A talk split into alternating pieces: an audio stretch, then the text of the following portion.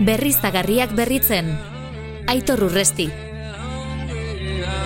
EHUren ingeniari eskolan, berriztagarrien irakasle bera, eta gure irakasle partikularra. Aitor Urresti gaixo egunon. Egunon, bai. Iritsiko gara zeari da gertatzen e, gas merkatuan galderara, baina akaso errazenetik e, hasiko gara. Erregai fosila dela bai, alegia ustiatzearen ustiatzeaz agortu egiten dena. Bai, ala da, e, gas naturala naiz eta naturala bizen hori daukan, eta dirudi naturan ala modu naturalean sortzen dela, ba, bueno, e, erregai fosil bat da, hainbat uh, eundaka milioi urteetan e, sortu behar izan dana, eta, eta beraz erregai fosil guztiak bezala, e, kutsakorra da, eta gainera e, negutegi efektuko gasak izuritzen ditu. Danadan, beste e, erregai fosilekin konparatuta, ia da garbiena dana, eta kutsadura gutxien sortzen dana dela. E, horreaitik, ba, bueno, nolabaiteko ba, ospe ona dauka, e, ezan dezakegu, ez? E, aratago, ergai fosil guztiak bezala, bueno, entzitate energetiko altua dauka, eta hau modu oso errazean azaldu daikegu, en gas natural kantitate txiki bat behar dugu energia asko sortzeko. Eta beraz, nahiko modu errezean, e, e, garraiatu daikegu energia kantitate handi bat, gasalde batetik bestera, gasoduktoetatik e, e, bereziki e, garraiatzen dugunean. Ez? Orduan horrek baita ere abantaia asko sortzen ditu. Bai, aurrekoan esan zen egon, Euskadin gorde bakarrik egiten dela gabiotan. Zema konsumitzen dugu eta non gordetzen dugu? Bueno, e, Euskadin azpiegitura, gas naturalerkiko azpiegitura zabala daukagu, ez? E, gasodukto sarea nahiko edatuta dago, egia da oraindik ere e, autonomia erkidego guztiko, herri guztietara ez dela heltzen, baina oso oso zabalduta dago, eta beste e, autonomiekin adibidez konparatu eskero, ikusiko genuke, ba, bueno, iaia zabalena daukagula, ez? Aratago baita ere konektatuta gaude penintzulako beste, beste e, komunitatetekin eta baita ere frantziarekin, beraz nahiko e, konektatuta, e, Bilboko superportuan badaukagu Baia Bizkaia gaz, e, bertan gas naturala itsasontzietan e, sartzen da, beraz hortze beste sarrera badaukagu, eta gero bai gabiota daukagula, gabiota aspaldi izan zen gas naturaleko putzu bat, bertan put, e, gaza erausten zen, baina hori behin agortuta orain erreserba bezala erabiltzen da.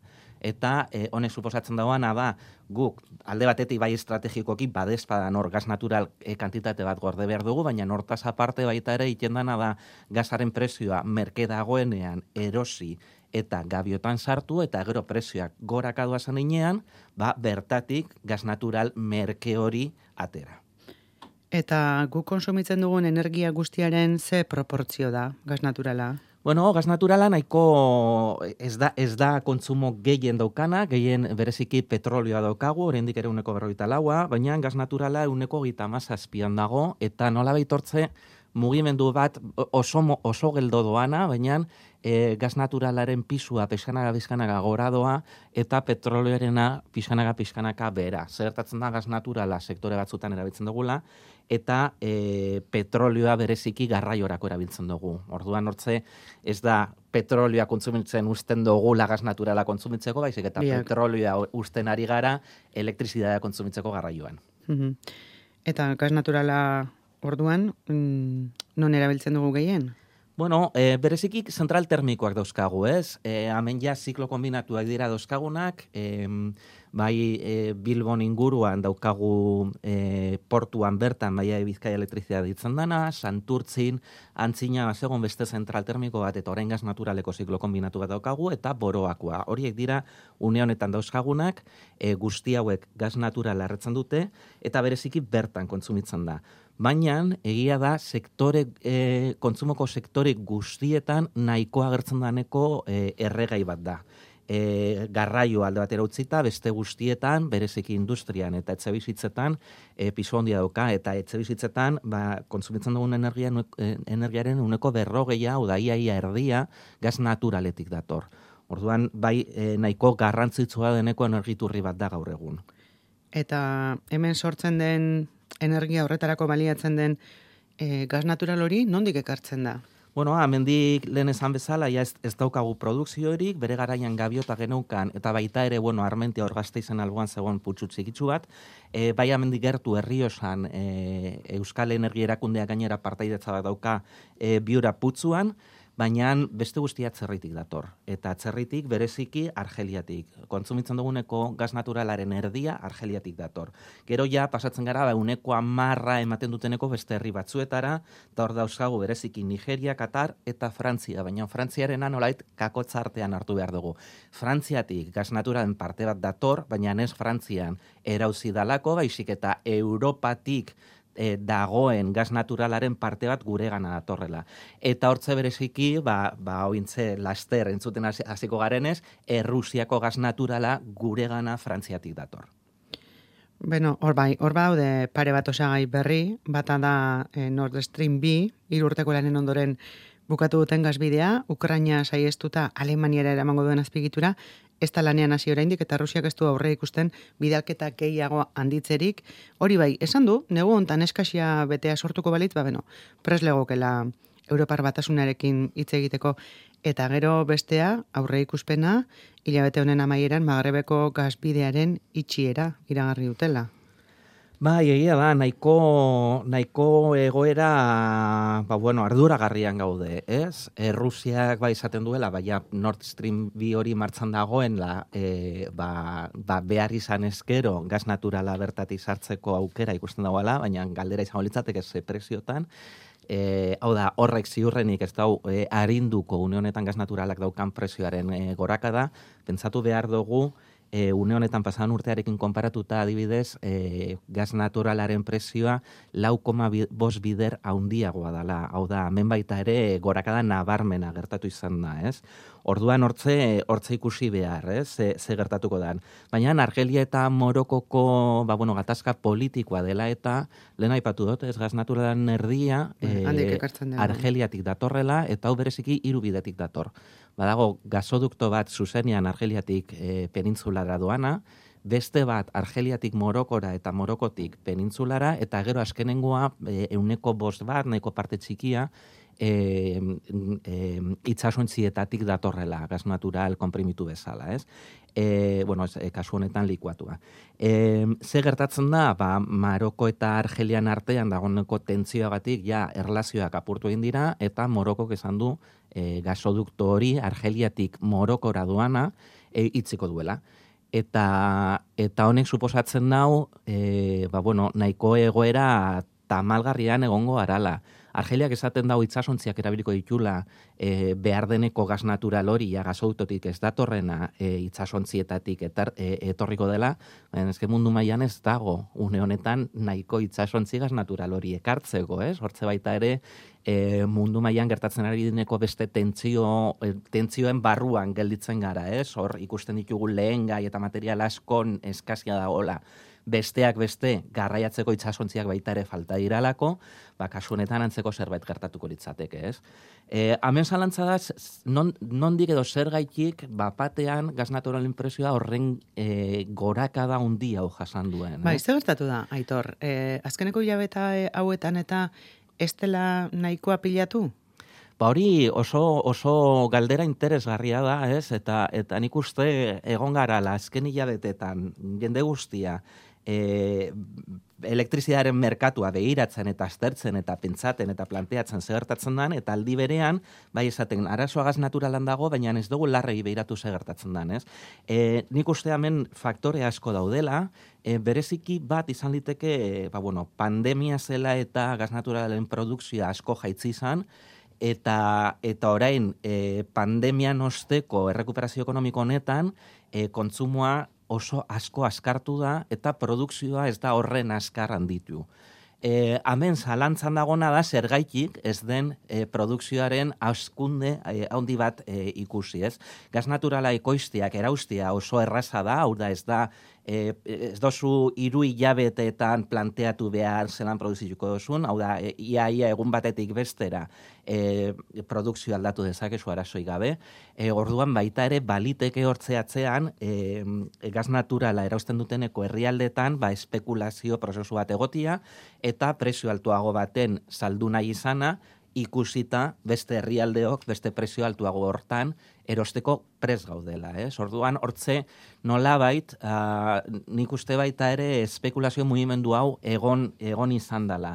Baina ez dakigu espreski noraino dan, ez? E, batzutan ez, ez dakigu herrialde hauetan benetan zenbateko erreserbak dauzkaten beraien putzuetan, agian baita ere horreskazia nabarmentzen hasi da, ez? Jakin badakigu gas naturala agortuko dela eta azken urteetako azken urteetan e, ikusten hasiak ginean seinale batzuk agortze horren gertu egongo ginatekela. Agortzea ez da izango egun batetik bestera, eh? baina pizkanaga pizkanako saiagoa izango da e, une honetan behar duguneko abiaduran e, gas hori eraustia.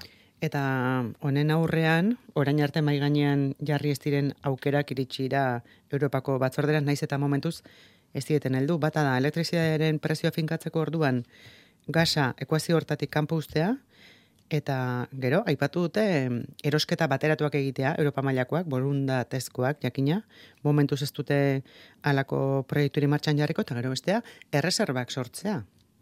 Bai, bueno, erreserbak... Petrolioarekin egiten da bezala? Hori da, guk estatu mailean egia da erreserba nahiko badaukagula, eta izatez, araututa dago zenbat egunerako e, erreserba definitu behar da, eta hortarako gabiota bezalako beste, beste deposito batzuk egon badaude, ez?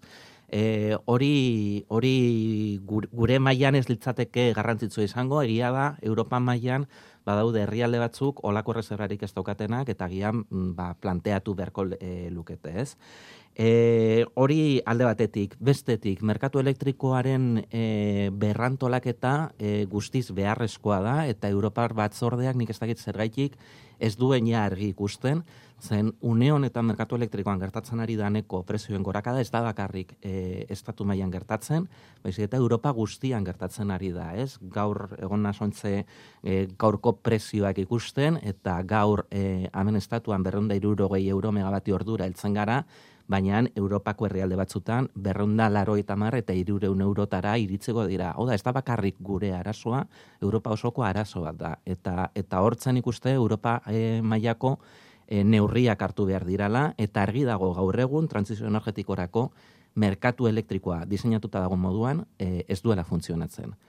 Eta gero beste neurria, e, erosketa bateratu horiek egitearena, interesgarria izan liteke, ze azken finean, e, suposatzen duena da nola elkartasun bat alde batetik, eta beraz, e, gertatzen da neko gaz naturalaren subasta, nola esatia, e, eragile bakar bat bezala jutiak, bain narra moten dutzu, eta gainera e, erosketa hori e, gaz e, natural volumen handi batekoa izango litzateke eta presio beagoak lortzea albideratzen da horrek. Bai, merke dagoenean erosteko pera ematen duelako beste beste baina. Hori da, nik uste dut, etorriko direneko neurrietatik, etorriko deneko lehenengoa e, ziurrenik beste hau izango da, ez, erosketa bateratuarena, eta gero baliteke erreserbena baita ere, baina erreserbena, esan bezala guretzat ziurrenik e, ba, une honetan daukaguneko araudiarekin babestuta egongo inateken, baina e, e, aratago nik uste hainbat mm, urte pare bat gutzienez emango duela hori arautzeko zen e, Europa mailako araudiak aurrera ateratzea nahiko e, prozesu geldoa da.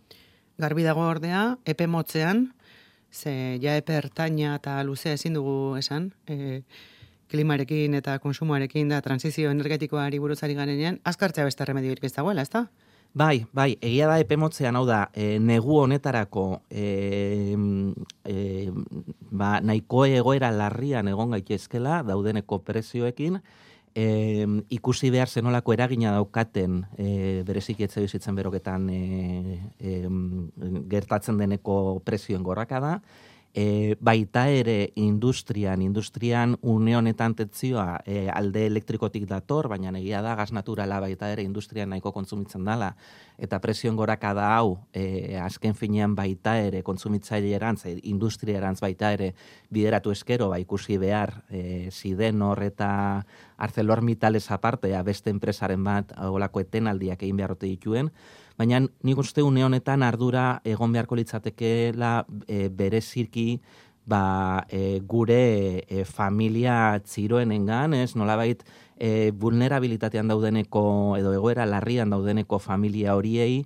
e, behar duteneko babesa ziurtatzea. Eta hori e, bai, epe laburrean egin daitekela, eta bai estatu mailan, e, autonomia erkidego mailan eta herri mailan e, neurri ausartak hartu behar dira e, familia hauen ongizatea babesteko. Ez nik uste, epe laburrean hori da gertatzen ge- gelditzen jakuna, eta epe ertain eta luzerako transizio energetikoa askartu, hau argi da. Egia da gaz naturala izango dala, ziurrenik nolabait e, kutsaura gutzien sortzen dueneko erregai fosil izan da, izango dala gure sistema energetikotik kanpo e, gelditzen deneko azkenengo e, erregai fosila, hau da, lehen, le, lehenik eta bueno, ikatzaiaia desagertuta dago, e, petrolioa desagertzen jungo da, baina e, nolabait gure Bidean beharko dugu, ez da naiztan ere utzuzten Hori da, behar. hori da, eta nahi badugu benetan e, nazioarteko tentzio hauek e, guregan eraginik ez izatea, guk gure energia propioa sort, sortzen hasi beharko ginateke, eta hori alik eta azkarren egin. Eta energia berriztagarrien ekoizpena sustatu. Azkena eoliko da. ezitzein genuen, urrena, akaso bide hortatik hartu beharko dugu, ez dakit oraindik ere geotermia, erotermia, beste makina dauzkagu, aztertzeko. Beste te- termi, termia asko dauzkagu ikas, e, e, aztertzeko, gainera horren ezagunak ez diranak, zen ikuste energia berriztagarriak esan eskero, jende guztia pentsatzen dagoela fotovoltaikan eta eta aerosorgailuetan, bale? parke eolikoak, baina naratago energia berriztagarriak oso aberatzak dira, oso anitzak, eta asko dago aztertzeko eta azaltzeko.